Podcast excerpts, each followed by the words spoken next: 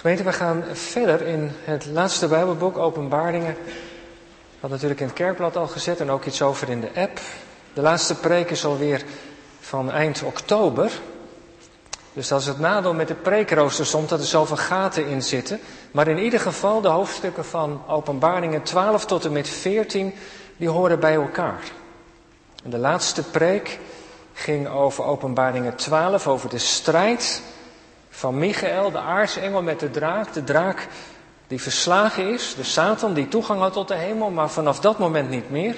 Is hij op de aarde geworpen, hij is in woede ontstoken, heeft nog maar een korte tijd, maar de overwinning is behaald. En dan gaat hoofdstuk 13, werkt dat dan uit? Wat betekent dat dan? Dat Satan op de aarde nog ja, bezig is met zijn kwade invloed. Hoe doet hij dat dan? En dan gaat het in hoofdstuk 13 over het beest. Nou, daar is veel over te doen geweest de laatste tijd. De preek van collega Visser, de Great Reset, heeft heel wat uh, hits gescoord. En ook veel discussie opgeleverd. En we zullen vanavond ons best doen om de hulp, met de hulp van de geest om te kijken wat Johannes wil zeggen en wat God tegen ons wil zeggen vanavond. Openbaringen 13. Johannes schrijft, en ik zag uit de zee een beest opkomen dat zeven koppen en tien horens had en op zijn horens waren tien diademen, tien kronen. En op zijn koppen Gods lastelijke naam. En het beest dat ik zag leek op een panter, zijn poten waren als die van een beer, zijn muil was als die, de muil van een leeuw. En de draak, de Satan, gaf hem zijn kracht, zijn troon en goddelijke macht. En ik zag een van zijn kop als dodelijk gewond, maar zijn dodelijke wond werd genezen. En de hele aarde ging het beest met verwondering achterna. Een soort in aanbidding dus. En zij aanbaden de draak omdat hij aan het beest macht gegeven had. En zij aanbaden het beest en zeiden, wie is aan dit beest gelijk? Wie kan er oorlog tegen voeren? En het werd een mond gegeven om met grote woorden godslasteringen te spreken. En het werd macht gegeven om dit te doen 42 maanden lang. Dat is in openbaringen, 3,5 jaar, de tijd van de grote verdrukking. En het opende zijn mond om God te lasteren en zijn naam te lasteren. En zijn tent en hen die in de hemel wonen. En de beest werd macht gegeven om oorlog te voeren tegen de heiligen, de gelovigen, en om hen te overwinnen. En hem werd macht gegeven over elke stam, taal en volk. En allen die op de aarde wonen zullen het aanbidden. Althans, van wie de namen niet zijn geschreven in het boek des levens van het lam dat geslacht is. Van de grondlegging van de wereld af.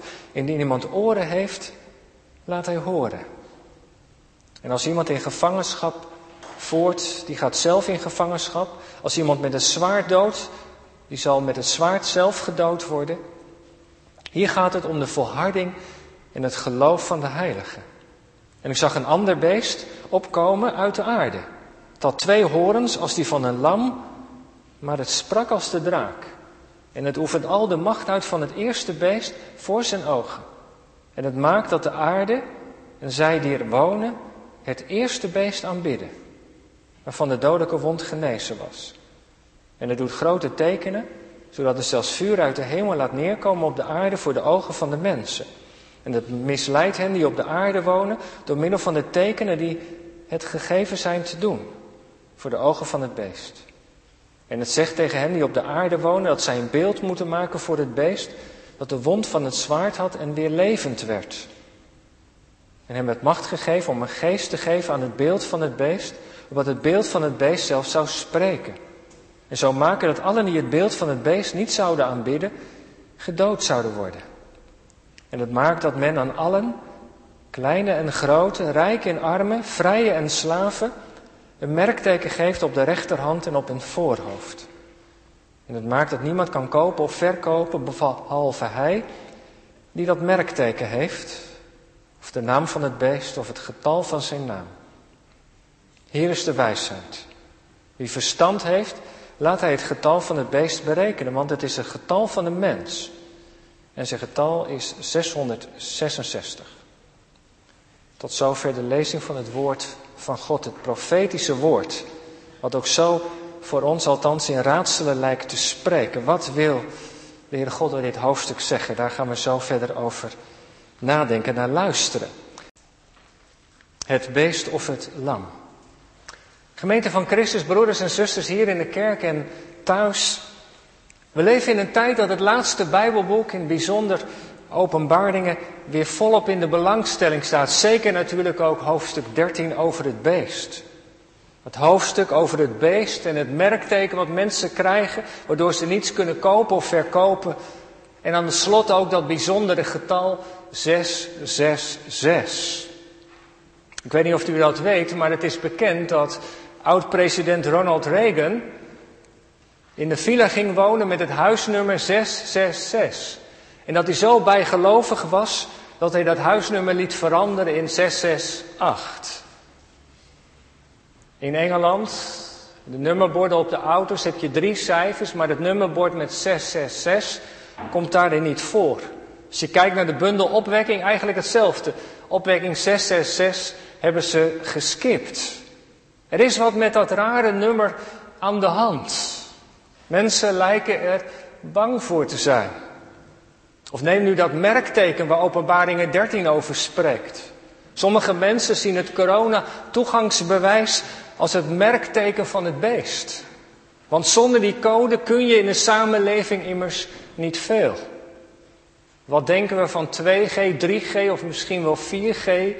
Er doen verhalen de ronde over vaccinaties en het implanteren van een chip. Is dat het merkteken? Zodat je niks meer kunt kopen en verkopen als je die chip niet hebt?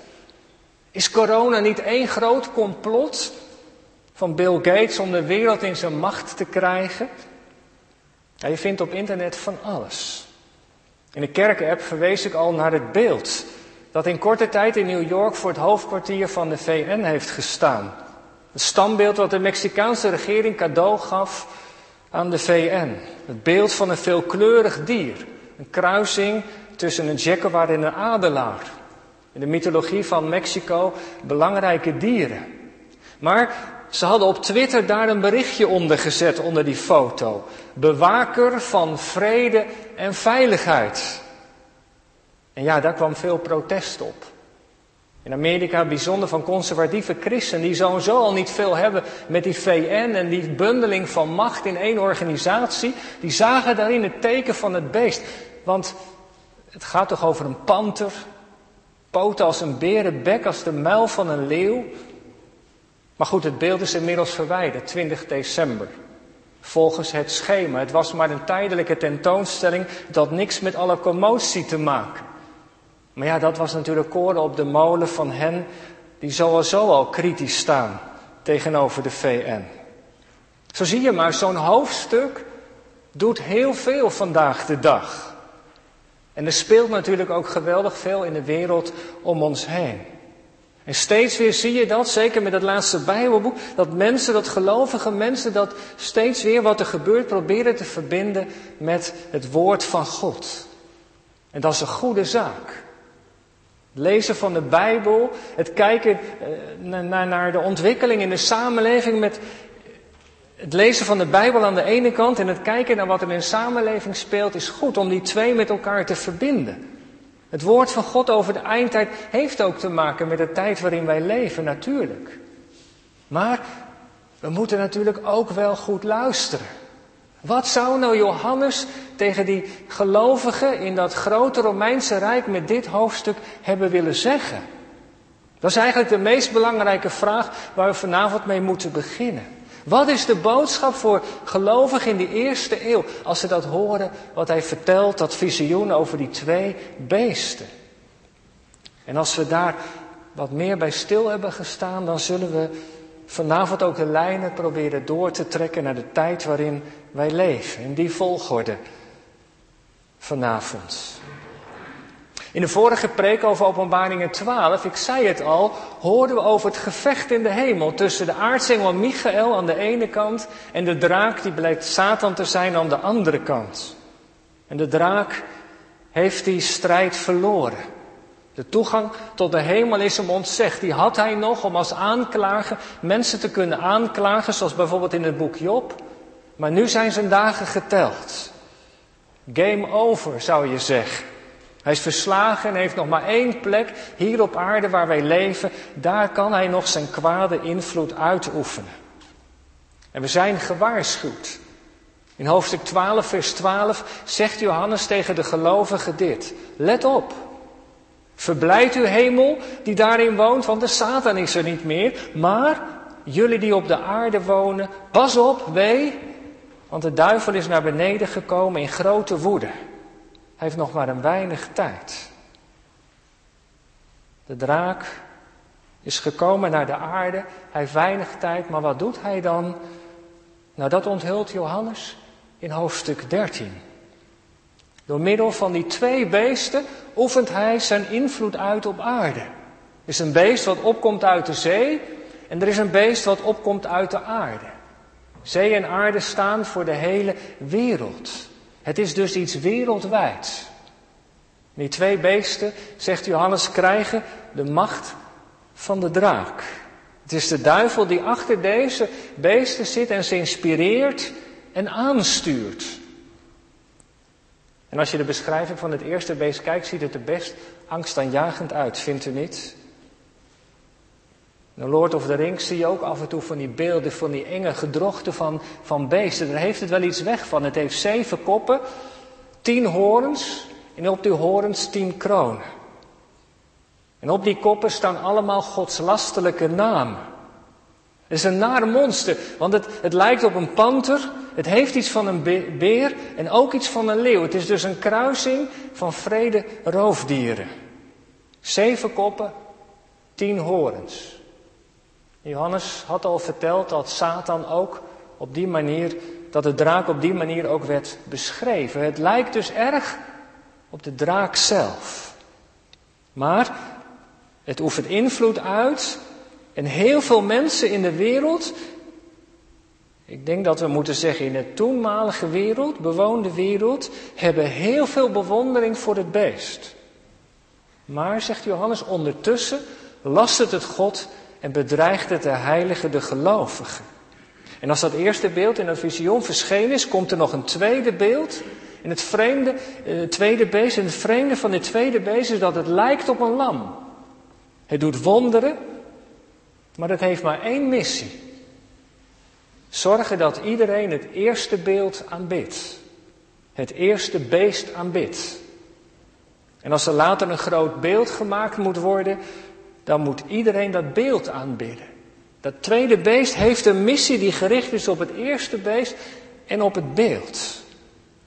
En als je niet meedoet, dan lig je er buiten. Dan kun je niets meer kopen of verkopen, vertelt Johannes. Waar gaat dit over? Die vreemde beelden in het laatste Bijbelboek, het ene beest en het andere beest. Nou, die twee beesten, die staan voor het toenmalige Romeinse Rijk. Dat blijkt namelijk uit de beschrijving. Johannes en zijn lezers, de gelovigen in de eerste eeuw, hadden daar elke dag namelijk mee te maken. Het eerste beest. Het beest, zegt Johannes, heeft zeven koppen. En als je in het laatste Bijbelboek wat doorbladert naar hoofdstuk 17, daar wordt dat geduid. De zeven koppen, zegt Johannes, zijn zeven heuvels. En het is bekend dat de stad Rome omringd was of gebouwd was op zeven heuvels. Dus dat is een verwijzing naar de hoofdstad van het Romeinse Rijk. En het beest draagt veel kronen. En de kronen, dat zijn de landen die dat grote rijk heeft overwonnen. Die zijn ingelijfd in de expansiedrift van de Romeinse keizer. En het beest draagt Gods lastelijke namen, zegt Johannes. Nou, dat is een verwijzing naar de keizers van het Romeinse Rijk. Want die tooiden zich met titels als de Zoon van God, Curios, dat is een naam het, het, het Griekse woord wat in het Oude Testament voor de Here zelf wordt gebruikt. Curios en soter, verlosser. Soter is het woord dat voor de Heer Jezus wordt gebruikt. Ze identificeren zich met de Heere God, de Schepper, en met de persoon van Jezus. Ze noemden zich de goddelijke keizer. Het beest uit de zee is dus het Romeinse Rijk dat in de dagen van Johannes alomtegenwoordig is. En het beest, hoe ziet het eruit? Het lijkt op een panter, beer en een leeuw. En dan moet u weten dat als, als Johannes dit laatste Bijbelboek schrijft, zijn uitleggers die daar hele boeken over hebben geschreven, dat je bijna bij elk Bijbelvers wel een verwijzing kunt vinden in het Oude Testament. Heel dit laatste Bijbelboek is helemaal doordrenkt van het Oude Testament. Johannes verwijst hier naar het boek Daniel, Daniel 7. Daar worden vier dieren genoemd. De leeuw, die staat voor het Babylonische Rijk. De beer staat voor het Medisch-Persische Rijk. En de panter, de luipaard, staat voor het Grieks-Macedonische Rijk. En heb je daar nog een vierde dier, dat is de adelaar, die staat voor het Romeinse Rijk. Dat zijn de rijken die elkaar hebben opgevolgd. Dat beest wat hij ziet, heeft de kenmerken van de eerste drie rijken, maar Johannes noemt de adelaar, dat vierde dier, niet. En ik denk dat hij dat bewust doet. Om niet al te expliciet naar het Romeinse Rijk te verwijzen. Want als de mensen naar buiten keken, dan zagen ze daar de vaandels. Dan zagen daar de schilden van de Romeinse soldaten. En daar stond natuurlijk ook een hele grote adelaar op. Je zou kunnen zeggen, dit beest heeft alles van die vorige wereldrijken in zich, maar is nog groter. Het overtreft ze allemaal in kracht en in grootte. En Johannes is over dat Romeinse Rijk in zijn dagen geweldig negatief. En dat blijkt ook uit het getal van het beest. Het getal 666. In vers 18 van dit hoofdstuk zegt hij dat het getal is van de mens. En ik denk dat Johannes daarmee bedoelt, dit is het beste wat mensen kunnen voortbrengen. Getal 7 is het getal voor de Heere God, maar 6 is het getal van de mens. En over dit, dit getal is ook heel veel gespeculeerd. Er zijn heel veel ideeën over. Maar eigenlijk is de boodschap, denk ik, heel eenvoudig. Als je de woorden keizer Nero omzet in letters, heb je 666. En je kunt Nero met een N spellen of zonder N. Het hangt er vanaf hoe je het schrijft in het Grieks, Nero of Neron. Maar zonder N kom je uit op 616 en met N op 666. En in de Griekse handschriften zijn dat de twee getallen die variëren. In onze tekst is 666 opgekomen, maar als je in de Griekse handschriften kijkt, is dat andere getal ook een variant bij deze tekst. Met andere woorden, voor de lezers was dat duidelijk. De adelaar werd niet genoemd, maar wel duidelijk zichtbaar. En dit getal gaat over die vrede keizer Nero. En die dagen is dit boek geschreven. Nero die bekend is van de christenvervolging, die christenen als stoortse met, met pek in zijn tuin heeft laten branden, die mensen veel gelovig om het leven heeft gebracht. Het is als, alsof Johannes tegen de, de gelovigen daar wil zeggen, kijk, dit is het Romeinse Rijk en dit is de keizer. Vergis je niet, in hem toont de draak zijn ware gelaat. En na dat eerste beest ziet hij nog een tweede beest. Waar het eerste beeld staat voor het machtige Romeinse Rijk, staat het tweede beest voor de staatsgodsdienst van die tijd. Want als je let naar de beschrijving, dan staat er dat het twee horens heeft als een lam. Nou, een lam, dat is een verwijzing natuurlijk naar de Heer Jezus. Het doet grote wonderen en tekenen. Dat heeft de Heer Jezus ook gedaan. Maar, Johannes zegt, let op, het heeft de schijn ervan. Maar het is een valse godsdienst. Want, zegt hij, het spreekt als de draak. Het lijkt op een lam. Je denkt, oh, dat is mooi, dat, dat kunnen wij wel met het christelijk geloof verbinden. Nee, het spreekt als de draak. En dat was nou voor hem precies het punt. Want dat grote Romeinse Rijk had de godsdienst nodig om dat te ondersteunen. Overal op de hoeken van de straat had je tempels waar de keizer werd vereerd en de goden van Rome. Het rijk, politiek, economisch en de staatsgodsdienst gingen samen op. De godsdienst was er om het rijk te ondersteunen. Want wat doet het tweede beest? Het zorgt dat er een beeld gemaakt wordt. Nou, in het Romeinse Rijk vond je overal beelden van de keizer. Dat beeld moest aanbeden worden, samen met de goden. Op elke hoek van de straat, zei ik, stond een tempel. Als je in Israël bent geweest, zijn er bepaalde opgravingen en dan kun je dat ook zien. In de kleine straatjes, hoeveel tempels er in een stad de Romeinse tijd wel niet hebben gestaan. En dan ging je naar je werk, voordat je naar je werk ging, of als je weer terugkwam van je werk, dan moest je een offer brengen voor de keizer en voor de, god, de goden, voor Roma, de godin van Rome. En juist daar in Klein-Azië, waar al die christelijke gemeentes uh, uh, zich bevonden, daar was de verering van de keizer geweldig sterk. Dus het was de macht van het Romeinse Rijk ondersteund door de godsdienst, die Johannes waar de Johannes de gelovigen voor waarschuwt. En als je niet meedeed, geen offers bracht, ja, dan viel je buiten de boot. Buiten de maatschappij, buiten de politiek, buiten de handelsschilders. Kon je zomaar je baan verliezen. Buiten de feestvreugde. Je werd buiten de groep gezet. En het was ook gevaarlijk om niet mee te doen. Zeker op hoogtijdagen, als de emoties hoog opliepen, en het stadsbestuur beval dat iedereen mee moest doen in de offers en de verering. Ja, dan stond je dus voor de keuze. En dat kon zomaar gebeuren als er een pest was of een epidemie, dat degenen die geen offers brachten, de zondebok werden. Dus christenen kregen de schuld van de problemen. Dus je stond voortdurend voor de keuze. Ben ik loyaal aan het beest, aan Rome, Breng ik mijn offers elke dag? Of ben ik loyaal aan het lam, aan de Heer Jezus? En dat is wel heftig als je dat op je laat inwerken. Stel nu even in de eerste eeuw, je woont in de stad Gouda vol met Romeinse tempels. En je wordt gedwongen om mee te doen. Elke dag. Zou je dat dan doen?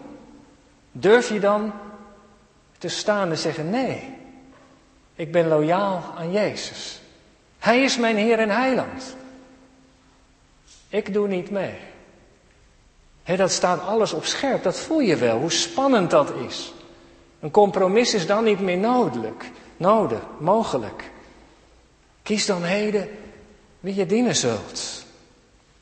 Het eerste beest en het tweede beest, de politieke, economische macht, de religieuze macht, ze versterken elkaar. En dat ziet Johannes gebeuren.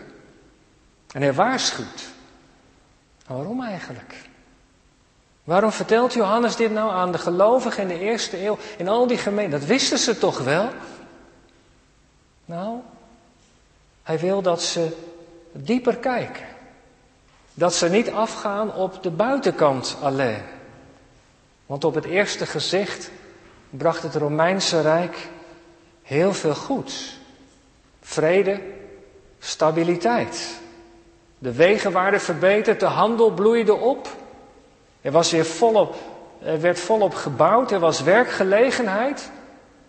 In feite hadden ze het relatief goed, heel veel mensen. Nou ja, je werd wel gedwongen om mee te doen. Er was de plicht om de keizer en de goden te vereren. Nou, gaandeweg werd de ruimte om je geloof te beleiden wel kleiner, stond onder druk.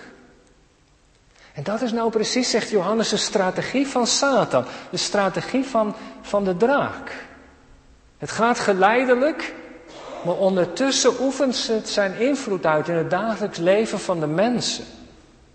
Geef natuurlijk niet een keer als je meedoet, als je een keer een offer brengt, als je daardoor je baan niet misloopt. Nou ja, het is maar voor één keer. Je hoeft toch niet altijd met je geloof te koop te lopen, toch? Je hebt er toch ook heel veel gemak van. Nou ja, zo gaat het slu, sluimerend, de secularisatie van het hart. Die loyaliteit komt steeds meer onder druk te staan. En Johannes probeert ervoor te waarschuwen. Lieve mensen, laat je niet inpakken door de vrede en de veiligheid, maar daarachter vindt een strijd plaats om je hart, om je ziel. En het tweede waar Johannes voor waarschuwt, dat lezen we in vers 10. Er zullen meer vervolgingen komen. Daar wil hij de gelovigen ook alert op maken. En in vers 10 zou je eigenlijk beter de nieuwe Bijbelvertaling kunnen lezen, want die is nog iets duidelijker op dit punt. Daar staat, wie gevangenschap moet verduren, zal in gevangenschap gaan. Wie door het zwaard moet sterven, zal sterven door het zwaard. Met andere woorden, dit gaat met jullie gebeuren. Jullie leven komt steeds meer onder druk te staan. En dan komt het aan of je trouw bent aan je Heere en Heiland. Het komt aan, zegt hij, op standvastigheid en trouw. De tekenen wijzen erop dat vervolgingen zullen toenemen. Christenen en minderheden krijgen het moeilijk. In de wereld, nou ja, dat had de Jezus al gezegd. Hè? In de wereld zul je verdrukking hebben. En dan is volharding nodig. Dus je ziet in dit hoofdstuk dat hij ze ook echt probeert te waarschuwen. Verkijk je niet op de rust en de vrede, er vindt een strijd om je ziel plaats. Blijf gericht op Christus, kies voor het lam. Kijk, en dat is steeds weer de boodschap geweest in dit laatste Bijbelboek. Vanaf het eerste begin al. Het lam die op de troon zit en regeert. Hij is het om wie alles draait. En in jullie leven, zegt Johannes, moet de focus liggen op de Heer Jezus, op wat Hij heeft gedaan. Hij staat aan het begin en aan het einde. Hij is de Alpha en de Omega. Als je nu trouw bent, te midden van al die verdrukking, dan zal aan het einde blijken dat je de juiste keuze hebt gemaakt. En dat is een belangrijk appel, wat hij doet in dit hoofdstuk. En, hij, en dat is ook wel belangrijk. Hij vindt Petrus en Paulus aan zijn zijde. Hoe vrede de overheid is, hij roept dus op om die overheid te respecteren. Om geen wraakacties op te zetten. Vreet u zelf niet beminden. Bid voor de overheid en degene die je regeren. We horen Petrus zeggen, ga in het spoor van de Heer Jezus. Hij heeft geen mensen kwaad gedaan, hij heeft niet gescholden, hij heeft niet gedreigd. Er waren geen sociale media, maar daar zou je het op kunnen betrekken natuurlijk. Ook al gedraagt de, straat, de staat zich als een monster. Christenen staan bekend als mensen die lief hebben en goed doen. Maar dat zeiden de profeten ook al. Zoek de vrede voor de stad en voor het land. Bid voor ze. Want daarin zal God je zegenen. Dus wat zegt Johannes? Wees waakzaam. Kijk met de ogen van het geloof naar de dingen die er gebeuren. En wees in alles toegewijd aan Christus. En dan komt vanavond natuurlijk ook vanzelf de vraag op: wat moeten wij dan vandaag met, met deze boodschap? En dat is een hele goede vraag. Veel van wat Johannes beschrijft over het beest, over de staat en haar godsdienst, de dwang, is in veel landen al realiteit vandaag. En is in veel landen ook al realiteit geweest. Even terug, voor het Romeinse Rijk had je het Babylonische Rijk van koning Nebukadnezar. Dat was dat beeld wat iedereen moest aanbidden. En in de eeuwen daarna is dat op heel veel plekken op deze wereld realiteit geweest. Na de Romeinen kwam een groot islamitisch rijk. Met heel veel macht en geweld is dat rijk uitgebreid. En wie het beeld, of in dit geval Allah en de profeet, niet aanbidt, die ligt eruit. Die zal het merken. Vaak met de dood als gevolg. En hoe vaak is dat in heel veel landen nog steeds het geval? Vorig jaar ben ik erg geraakt door een boek van de Engelse Bijbelleraar David Paulson. Ik heb hem meegenomen, The Challenge of Islam for Christians. De uitdaging van de islam, of de roepstem misschien wel voor gelovigen. Hij is heel bezorgd over de toekomst van Europa. Hij vreest voor de combinatie van macht en dwang om te geloven en wat de consequenties daarvan zijn. Hoe bepaalde godsdiensten heel veel dingen in een land kunnen overnemen en wat de consequenties daarvan zijn. Goed, ik ga dat vanavond niet verder uitwerken, heb ik een keer eerder gedaan. Maar we zouden natuurlijk ook kunnen denken vandaag de dag aan China of Noord-Korea. Landen met een sterke leider en een dictatuur. Alles staat in het teken van de leider en de aanbidding. En als je niet aanbidt, dan lig je er helemaal buiten. Dan is de, de gevangenis je lot. Dan is de dood zelfs je lot. De leider die als een God wordt vereerd. En je ziet dat alles erop gericht is om die aanbidding voor elkaar te krijgen. En hoe lastig hebben christenen vandaag de dag het in Noord-Korea, in China. In het geheim moeten ze samenkomen. Omdat ze opgepakt kunnen worden, om het leven kunnen worden gebracht. En daar zie je eigenlijk in de lijn van Johannes de tactiek van de draak. Macht van de staat verbonden met aanbidding en verering. En zo worden mensen misleid, gebonden. Zo is de duivel bezig. En ga je niet mee, dan lig je er dus buiten. En de vraag die openbaring 13 oproept vanavond is, is de volgende, denk ik. Zou Johannes nou willen zeggen dat in de laatste van de dagen, in de eind, dat heel de wereld onder één centrale regering komt te staan? En dat iedereen wordt gedwongen een bepaalde religie aan te hangen? Of bedoelt Johannes te zeggen dat dit op bepaalde plekken in de wereld zal gebeuren?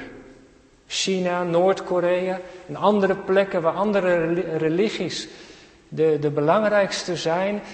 En zou het kunnen zijn dat wat je hier ziet gebeuren met het Romeinse Rijk, dat op allerlei plekken in deze wereld gebeurt en dat er dan een moment komt dat God zegt en nu is het genoeg? Of bedoelt hij te zeggen dat alles onder één regering komt? Ik neig naar het tweede. Ik denk persoonlijk dat dat niet waarschijnlijk is. Maar goed, hier ben ik voorzichtig, want de toekomst zal het uitwijzen. Wij in Europa zitten natuurlijk niet in dezelfde situatie als China in Noord-Korea. De scheiding van de staat en de kerk verhindert dat. We hebben vrijheid van godsdienst. We kunnen hier gelukkig, God zij dank, in vrijheid samenkomen. In die zin is onze situatie anders. Maar toch, toch hebben de boodschap van Johannes denk ik wel nodig om waakzaam te zijn. Want dingen kunnen gaan veranderen. Stel nu dat er toch een wereldwijde regering komt. Die een staatsgodsdienst gaat verplichten. Of die een seculiere samenleving promoot waar alle verwijzingen naar religie en christelijk geloof onderdrukt en verwijderd worden. Stel nu dat de problemen in ons continent zo gaan toenemen. Het gebrek aan gas, de grote toestroom van mensen, toenemende werkeloosheid, nog meer polarisatie in ons land, milieuproblemen die ons steeds meer in de greep nemen, strijd over de aanpak van weer een andere pandemie, een grote financiële bankencrisis, de ene crisis naar de andere, en dat ons continent afzakt naar onbestuurbaarheid. Je kunt je voorstellen dat dan de roep om een sterke leider, een sterke man of vrouw die rust brengt, die dingen herstelt, zomaar geboren kan worden. En als dat dan samengaat met dwang, met het inperken van vrijheden, dat we verplicht worden om dingen te doen die tegen de wet van Christus ingaan, ja, dan komen we in de buurt van Openbaringen 13. Als je BSN een verkeerde lijst staat, kun je met je bankpas geen geld meer opnemen. Je paspoort wordt geblokkeerd. Ja, dan sta je met de rug tegen de muur. Maar dat is nu niet het geval. Althans niet hier. Ik denk dat Johannes tegen ons zou zeggen, lieve broeders en zusters, wees waakzaam. Er is een strijd gaande. Maar hij zou ook pleiten, denk ik, voor een bepaalde nuchterheid. Ook nu rond vaccinatie, denk ik. Het is natuurlijk een uitdaging hoe we daarmee omgaan. Ook met degenen die niet zijn gevaccineerd. Dat is een testcase voor een samenleving. Maar ik denk dat testen heeft met gezondheid te maken. En de bescherming daarvan, dat is wel van een andere orde dan wat hier in Openbaringen 13 wordt beschreven. Dus ik zou op dat punt persoonlijk terughoudend zijn voor de grote woorden. Ja, maar hoe zit dat dan met dat merkteken van het beest? Op het voorhoofd en op de rechterarm. Ook daar kun je heel veel vinden. Op internet. Die chip die toegang geeft. Ik denk dat we hier op een ander spoor moeten gaan zitten. Johannes grijpt elke keer weer terug naar het Oude Testament. Dat voorhoofd in die rechterarm, waar vinden we dat in het Oude Testament? Ja, dan moeten we terug naar het Bijbelboek Deuteronomium. U heeft het vast wel gezien in Israël, het Joodse volk. Als de mannen gaan bidden, wat doen ze dan? Dan volgen ze het voorschrift van Deuteronomium. De woorden van God moeten ze als een teken op hun voorhoofd binden. Dat zwarte doosje met die gebedsteksten. En ze moeten een teken om hun hand doen. Dat zijn de gebedsriemen die ze omdoen. En dat doen de Joden altijd als ze bidden. Je ziet ze voor zich staan, ze staan daar te bidden. En het hoofd, dat gaat voor je denken. Je hand staat voor wat je doet. Zo is dat een en al toewijding aan de Heer, de God van Israël. Daar gaat het over in Deuteronomium. Waar ben je met je hoofd op gericht? Wat doet je hand? Is dat de toewijding aan de Heer? Of is dat de toewijding aan iemand anders? En ik denk dat dat hier is bedoeld. Dat merkteken op je hoofd, aan je rechterhand, dat gaat over loyaliteit. Wie dien je eigenlijk? Met je hoofd en met je hart. Dien je het beest, de cultuur en alles wat erbij hoort? De gemakken en de voorspoed? Met het risico dat je Jezus kwijtraakt? Denk aan het woord van Jezus. Wat baat het een mens als die alles in de wereld wint, maar schade leidt aan zijn ziel? Daar ligt de uitdaging nu, denk ik. Dat we alles maar goed vinden. Als we maar kunnen doen wat we zelf graag willen. Dat seculiere denken heeft een agenda. Is een strijd om het hart, strijd om de loyaliteit. Ben je loyaal met het beest, met de dingen die voorbij gaan? Of is je loyaliteit met de Heer Jezus? Met het lam dat zijn leven voor je gaf? Ook al zie je het niet, hij regeert. En dat is wat Johannes vanaf het begin van het Bijbelboek ook heeft gezegd. Wij dienen een lam. Het staat als geslacht. Hij lijkt kwetsbaar, maar hij regeert. Hij staat aan het begin en aan het einde. Het oordeel is in zijn handen. En als je hem kent, dan ben je veilig. Wat er ook gebeurt. Ken je hem niet, dan ga je verloren. Zo is dit hoofdstuk, denk ik, en daar sluit ik mee af, een bemoediging en een appel. In de Nederlandse geloofsbeleidenis staat een zinnetje. Ik meen in artikel 27. Daar staat er is niemand in het hele universum die ons meer lief heeft dan de Heer Jezus. Daar gaat het om. Hij is het lam. Dat zijn leven voor ons gaf. Laat Hem je hart toebehoren. En zet je in om goed te doen. Bid. Doe goed. En zo volg je het lam. In zijn spoor zijn we geroepen om te gaan. Het is de smalle weg, het is de weg van tegenslagen, van moeite. Maar het is de weg die uitkomt in het vaderhuis. Amen.